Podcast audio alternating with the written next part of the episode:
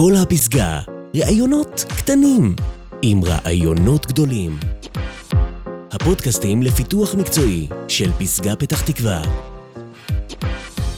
שלום לכם, אנחנו בפודקאסט השני שלנו עם מיכל כרמי, אשת חינוך, מרצת העצמה למבוגרים ונוער, מנחת הורים, מנהלת דף הפייסבוק לשפר באהבה, וכותבת טורי חינוך מורה ואימא לשבעה. אם בפודקאסט הקודם נגענו בפצעים של מערכת החינוך בעיני מיכל, הפרק הזה ייתן לכם המאזינים ואנשי הוראה ציוד רפואי לפצעים האלו, כולל דף הוראות מסודר מה כדאי לעשות. כל הפסגה, ראיונות קטנים עם רעיונות גדולים. עורך ומגיש יוני לביא, והפעם המורים שהיינו רוצים להיות, איך עושים את זה הלכה למעשה. שלום שוב מיכל. אהלן, איזה כיף, יוני, להיות פה. וואו, כמה דברים יש לנו לדבר עליהם. ברצון ובאהבה. אז הבטחתי קצת בשמך אה, ציוד רפואי והוראות שימוש, אבל ברפואה יש גישה מאוד אישית לכל מטופל. ובחינוך אנחנו קצת רואים את הכל מלמעלה, מערכת, בית ספר, כיתה. הכלים האלו שאנחנו הולכים אה, לקבל ממך עוד מעט, הם יהיו תקפים לכולם, ללא הבדל זרם חינוכי, טווח גילאים, חתך סוציו-אקונומי, גזע, דת, מין? שאלה מעולה. כן, הם תקפים לכולם. אין שום הבדל, כי בסוף אתה מורה בן אדם מול תלמיד בן אדם. אותו דבר, כולנו אותו דבר. אנחנו הולכים לשרטט את ההתנהלות הפרקטית להעצמת השליחות והמוטיבציה של המורים, ונתחיל עם דף תהליך.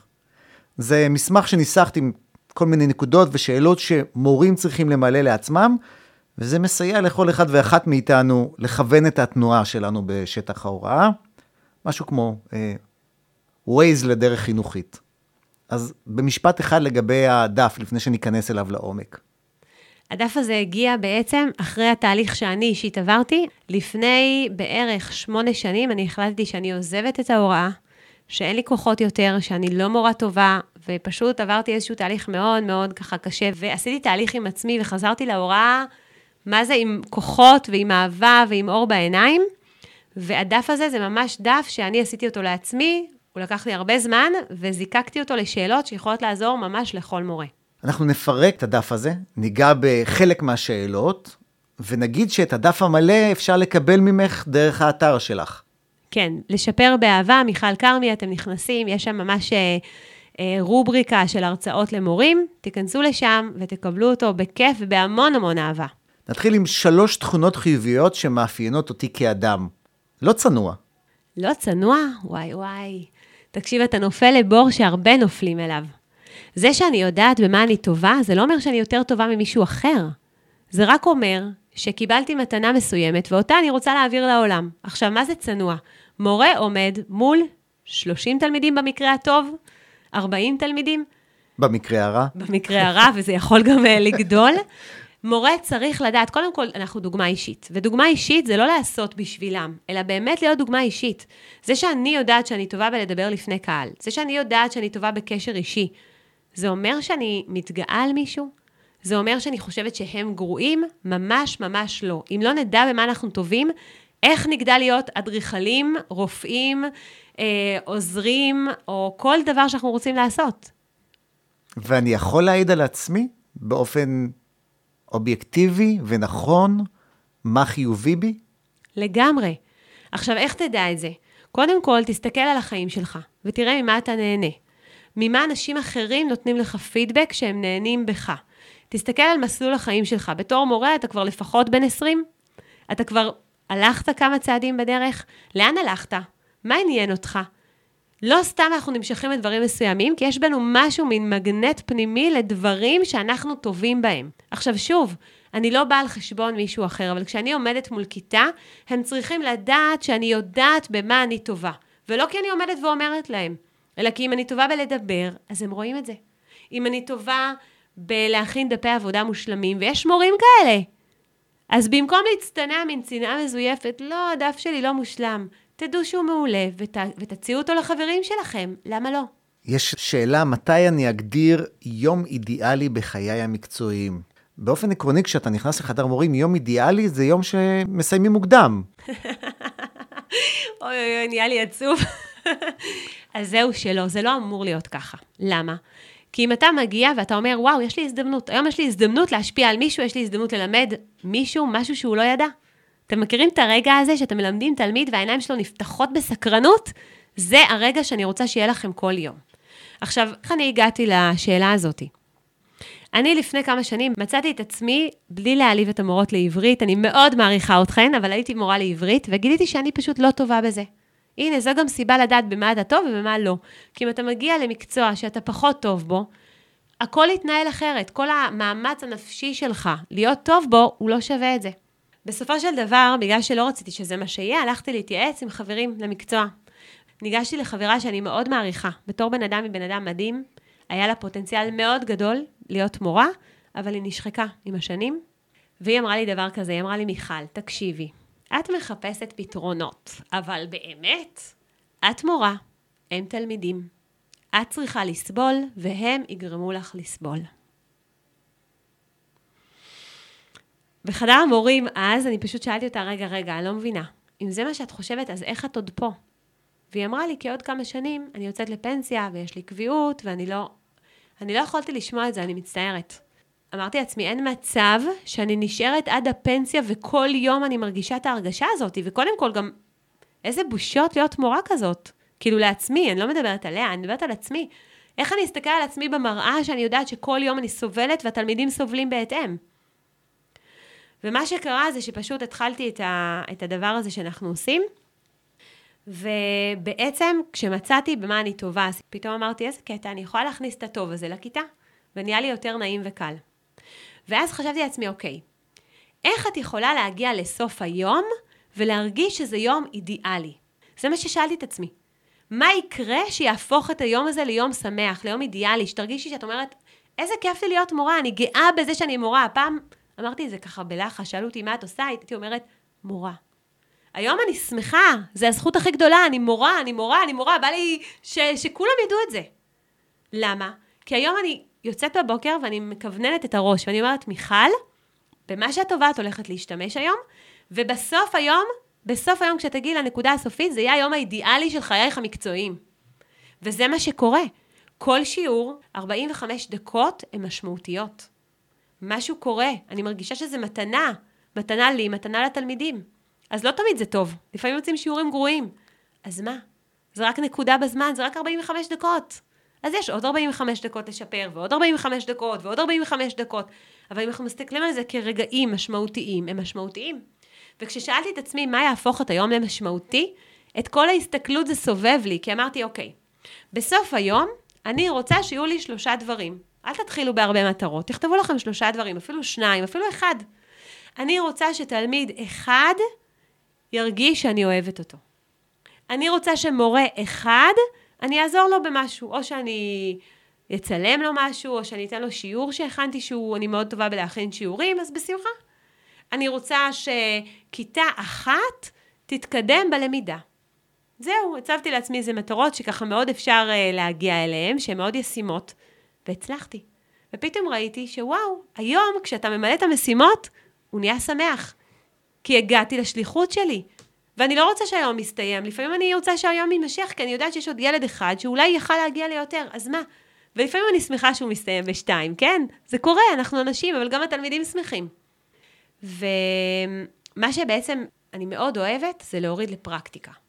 זה שאני אבוא ואדבר על חשיבות ההוראה, או קרה לי גם בתור מורה שהביאו הרבה מרצים לימי הערכות, והגיעו אנשים שעשו דברים נפלאים בחיים, אבל שהם כבר לא בשטח, או שהם או לא רלוונטיים, או שהם מדברים מאוד יפה בתיאוריה, אבל בסוף אני יוצאת ואני אומרת להם, אז מה אני עושה מחר?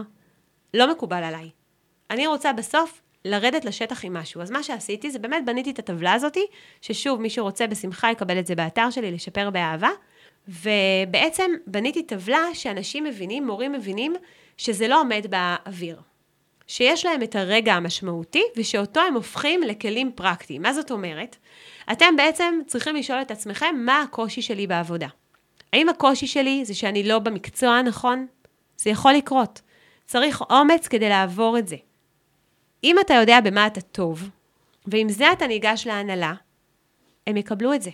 ואם הם לא יקבלו את זה, אז אולי בשביל שאתה באמת תהיה טוב ותהיה במקום הנכון לך, אולי אתה צריך אומץ ולעבור למקום אחר.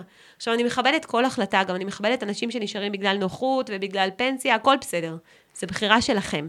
אני רק רוצה לעזור לכם את הבחירה הזאת לעשות יותר טובה. אם יש לך קושי ספציפי בכיתה מסוימת, זה הכי קל.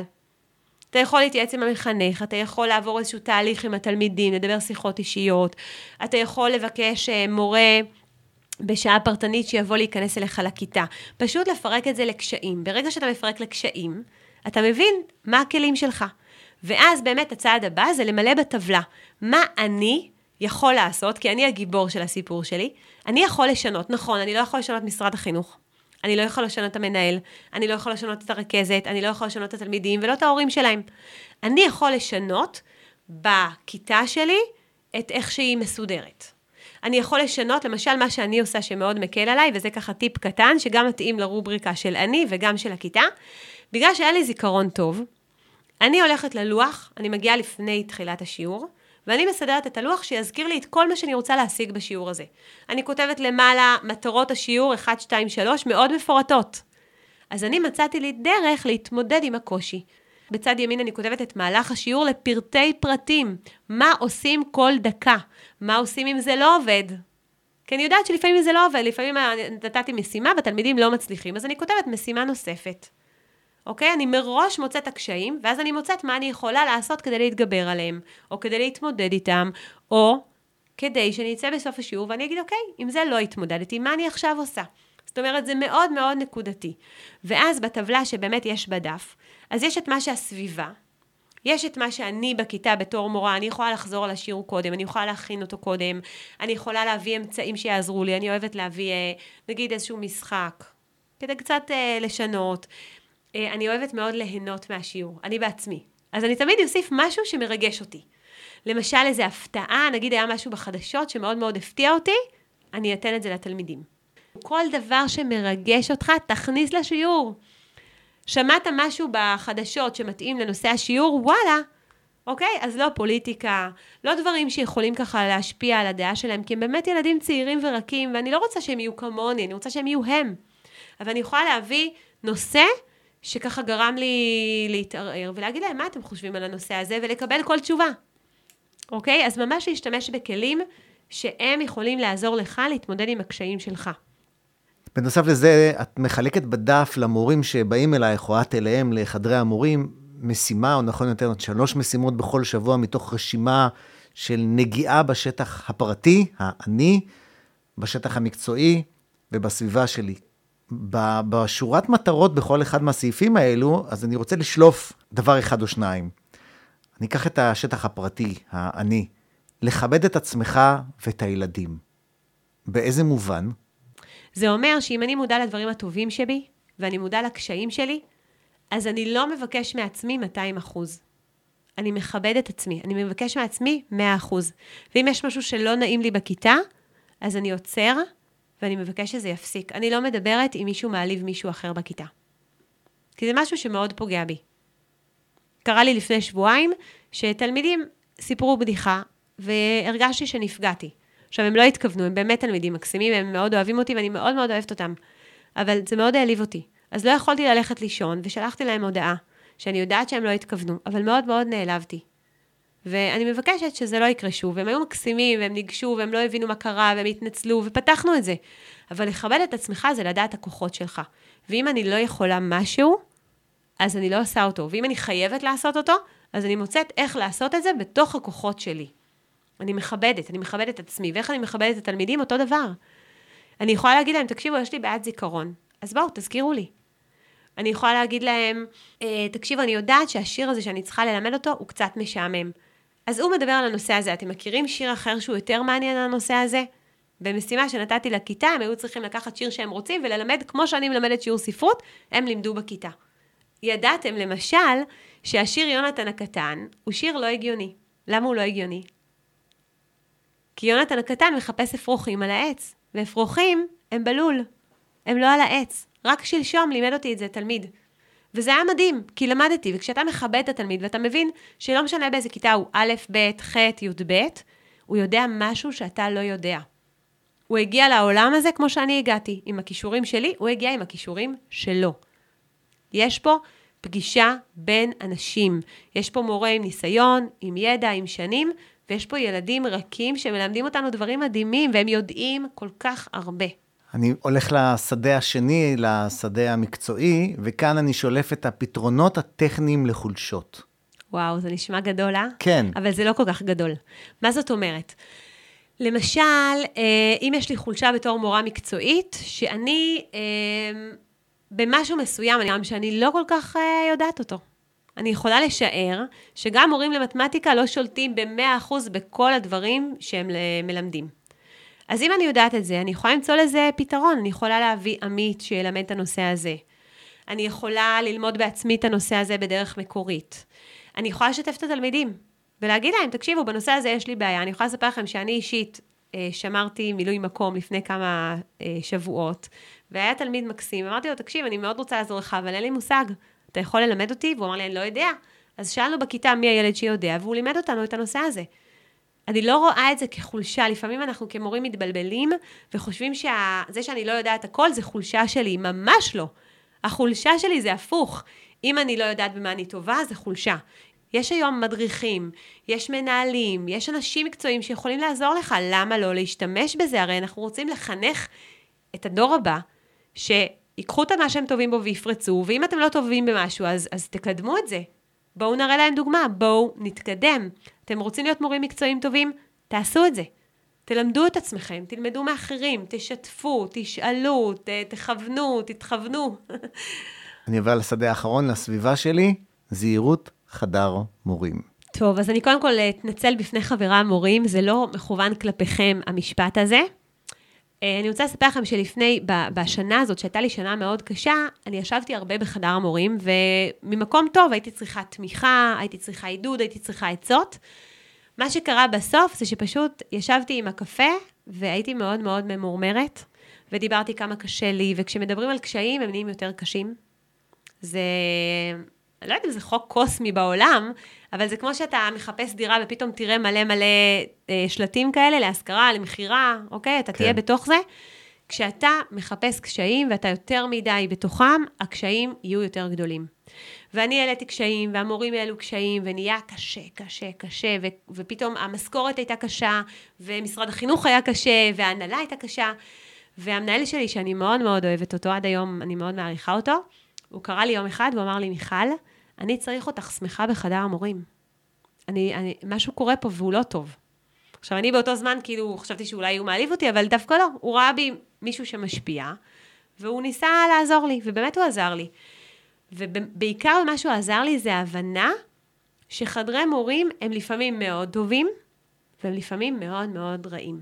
למה? כי אם המטרה שלנו זה לעשות טוב, לעזור לתלמיד, לפתח אותו, לפתח את הלמידה, לפתח את המקצועיות, לפתח את האנושיות. אם בחדר המורים נוצר גרעין שמדבר על הרע, שמתמרמר על התלמידים, על ההורים, על משרד החינוך, המרמור הזה גדל והמורה נהיה ממורמר. ואם הוא ממורמר, אין לו כוחות. אם הוא חושב שכולם נגדו, לא יהיו לו כוחות. אי אפשר להתחיל תהליך כשאתה חושב שכולם נגדך, וגם יכול להיות שהם באמת כולם נגדך. אבל מכיוון שאתה הגיבור של הסיפור, אז תספר סיפור אחר. לא טוב לך? אין בעיה. תעשה משהו כדי שיהיה לך טוב. מורה זה מישהו שחושב מה לעשות, מוצא את הכיוון, מורה את הדרך. יאללה, תורו את הדרך. אל תצאו מחדרי המורים, תישארו בהם עם הרעיונות היצירתיים, עם התמיכה, עם השיתוף, עם העזרה אחד לשני במקצועי ובאישי ובהכול. אל תהפכו את חדר המורים למקום של מרמור, למקום של בריחה. לפעמים מורים מסתגרים כדי להתחבא מהעולם שבחוץ. חבר'ה, לא להתבלבל, אנחנו פה בשביל התלמידים, אוקיי? אנחנו בשביל התלמידים שלנו. לא להתחבא בחדר המורים זה לא בונקר, זה לא ממ"ד, בסדר? זה ממש מקום להפסקה ולחזור למטרה שלנו. זה לא מקום בשביל מרמור. עוד כמה דברים שתפסו את עיניי בהכוונה שלך למורים. את מפנה את תשומת ליבנו למחשבות המחלישות שעוברות בראשנו. מה הן? וואו, יוני, יש לך את זה, אה? את הראייה הזאתי. תראו, כשאני מתחילה אה, תמיד את ההרצאה שלי בחדרי מורים, אז אחרי כמה דקות, תמיד יש מישהו שיגיד לי, אבל אצלי זה לא יעבוד. אבל אני לא טוב כמוך בזה. אבל, תמיד יש את האבל. עכשיו, תחשבו בכלל בחיים, לא רק בהוראה. כל דבר שאני רוצה לעשות, שהוא חדש לי, שהוא שינוי, תמיד יהיה לי בראש אבל. אבל אין לי כסף. אבל אין לי זמן. אבל אה, אני לא יכול. אבל, יש לנו מיליון אבל. אני קוראת לזה מחשבות מחלישות. כי אם יש בי את הניצוץ, ומשהו שאני חושבת עליו, שאני רוצה לעשות, מדליק אותי, מרגש אותי, שאני ממש מתארת את היום האידיאלי בחיי, כמו שאמרנו קודם, ואני אומרת, וואו, אם רק הייתי מצליחה לעשות את זה, דבר אחד קטן ביום, הייתי מאושרת. ונכנסות לי המחשבות שמחלישות אותי. עכשיו, המקום של המחשבות המחלישות הוא בעיניי חיובי, כי אנחנו רוצים להגן על עצמנו, כדי שלא נתאכזב, כדי שלא, אה, לא יודעת מה, נתחיל דברים שאנחנו לא יכולים לסיים, שזה בסדר. אבל אם אנחנו פה להיום, ואנחנו פה לעשות משהו טוב, ואנחנו פה כי חשוב לנו התלמידים, אז אל תיתנו לקולות האלה להחליש אתכם. אתם צריכים לדעת שהם שם, והם שם לכולם. אני, כשאני היום באתי לפה, לא היה לי מחשבות מחלישות בדרך, על מה אני אדבר? ואולי הוא לא ישאל את השאלות הנכונות, ואולי אני לא אענה את התשובות הנכונות, ואולי אני אשכח משהו. אז מה? אז מה? ואולי, הפוך, אולי תהיה הזדמנות. אולי יהיה משהו טוב. אולי הרבה מורים יקבלו מזה תקווה שאפשר לשנות, כי אני לפני שמונה שנים כמעט עזבתי את המקצוע. איזה חבל היה אם הייתי עוזבת. כמה תלמידים בדרך הייתי מפסידה אם הייתי עוזבת. כמה רגעים טובים הייתי מפסידה. אז תמצאו את המחשבות המחלישות, תדעו שהם שם, ותדעו שהם שם כדי להגן, ותגידו להם בחזרה, אני לא מקשיב לך. אני אומרת, אז מה אם אני מפחדת? אני עושה את זה דווקא, כי יכול להיות שההזדמנות תהיה יותר גדולה. ואגב, יכול להיות גם שלא. אז מה? יש את מחר לשנות, מה קרה? עשיתי החלטה לא נכונה בחינוך. אז מה? אז אני מחר אבדוק מה קורה, אני אבדוק עם עצמי בלילה, אני אחזור. לא חייבים מיד. אתה יכול לחשוב, אתה יכול להבין מה הכיוון הנכון, אתה יכול להבין שטעית ולשנות את זה. בשביל זה אנחנו פה, הרי מה אנחנו רוצים ללמד את התלמידים? שוב, זה המראה. אנחנו רוצים ללמד את התלמידים שלא נורא אם הם טועים. איך נלמד אותם אם אנחנו מפחדים? אז אנחנו נפחד, נגיד להם, אני מתה מפחד, אבל אני עושה את זה כי אני רוצה ליהנות מהרגע, אני רוצה להפוך את הרגע למשמעותי. אה, אמרת רגע, אה, אנצל את הרגע הזה שאמרת את המילה רגע, ואבקש ממך, לקראת סיום, לספר לנו על רגע מאוד מאוד אישי שלך. הרגע שבו קיבלת את מתנת הזמן, אולי האירוע המכונן שנולד ברגע מצער. אה, כשאני הייתי בת 24 וחצי, אוקיי? אני מצטערת שאני משתמשת בחצאים, אבל כל רגע הוא חשוב, וזה בדיוק מה שאני הולכת לספר לכם. כשאני הייתי בת 24 וחצי, אמ, התווכחתי עם אבא שלי על אה, כל מיני דברים, הייתי אימא צעירה, והוא חשב אחרת ממני. ויום אחד, אה, זה היה בשבת, בבוקר, קמתי בהרגשה שאני רוצה להגיד לאבא שלי שאני אוהבת אותו. זה היה ככה אחרי שיחה עם אחותי, שעמדה להתחתן שבוע קודם, והיא אמרה לי, מיכל, אנחנו לא מספיק אוהבות את אבא שלנו. ככה, אני קצת מתרגשת שאני מספרת את זה. וקמתי בבוקר ואמרתי, אני, מעכשיו, אני אומרת לאבא שלי שאני אוהבת אותו, ואבא שלי היה בן אדם בריא וצעיר, בן 55, וקמתי ככה לדבר איתו, והוא אמר לי שהוא לא מרגיש טוב. ואמרתי לו, אין בעיה, נכון, אני מכבדת אותך, אני אוהבת אותך, אני הולכת להביא לך עוגיה ותה. והלכתי להביא לו, ואמרתי לו, אבא, הבאתי לך את התה ואת העוגיה, והוא אמר לי, אה, מיכלי, זה כבר לא יעזור לי. אה, באותו רגע אבא שלי חטף אירוע מוחי ונפטר יומיים אחר כך. וזה היה לי מאוד מאוד קשה להתמודד עם זה, גם עם, ה... עם זה שבעצם לא הספקתי להגיד לו שאני אוהבת אותו, כי הרגשתי שזה מאוד uh, מביך. כי לא היה בינינו את הקשר הזה של, היה בינינו קשר של צחוקים, של ציניות, לא של להגיד אני אוהבת אותך. אז uh, קודם כל, זה מאוד מאוד שינה אותי, ברמה שהיום אין דבר כזה שאני לא אגיד למישהו משהו שאני חושבת עליו. במיוחד אם זה למשהו טוב. משהו רע, אז אני אשנה את זה, אני לא אוהבת לחשוב דברים רעים על אנשים. אבל קודם כל, אין דבר כזה שיעבור רגע שאני, מולי עומד מישהו ואני לא אנצל את זה לטובה. עכשיו, אני יודעת שאני למדתי את זה בדרך הרעה, וזו הסיבה גם שהתחלתי עם כל ההרצאות לחדרי מורים, כי הרגשתי שלא כולם צריכים לחוות את הטראומה שהייתה לי. היום אני יכולה להגיד מתנה, כי עברו כבר הרבה שנים מאז, אבל המתנה הכי גדולה שקיבלתי מאבא שלי, זה מתנת ערך הזמן. להבין שקיבלנו זמן במתנה. אנחנו לא יודעים כמה זמן יש לנו, אנחנו לא יודעים מי שעומד מולנו, אנחנו נוכל לזכות להגיד לו מה שאנחנו חושבים עליו, ולכן אנחנו לא מחכים. ומפה גם הגיעה כל הגישה שלי של 45 דקות משמעותיות, ולעשות מטרות קטנות שאפשר להגיע אליהן, הכל זה משם. למי ששמע את שני הפודקאסטים שלנו איתך, נזכיר שבראשון, ממש ממש בתחילתו, צחקנו על משפטי מורים שיוצאים לנו מהפה. אז גם נסיים עם שניים כאלו. לא הספקנו את כל מה שהיה לנו להגיד, ולכן אתם תמשיכו לבד בבית. עכשיו אנחנו יוצאים מפה, וכשנחזור עם הפודקאסט הבא, אנחנו מצפים שיהיה פה נקי. מיכל כרמי, אשת חינוך, מרצת העצמה למבוגרים ונוער ומנחת הורים, תודה רבה לך. בשמחה, יוני, היה לי כיף, ולכם המורים, אני מאחלת שתהיו משמעותיים, שתרגישו משמעותיים, ושתהנו מהעבודה הכי נפלאה בעולם.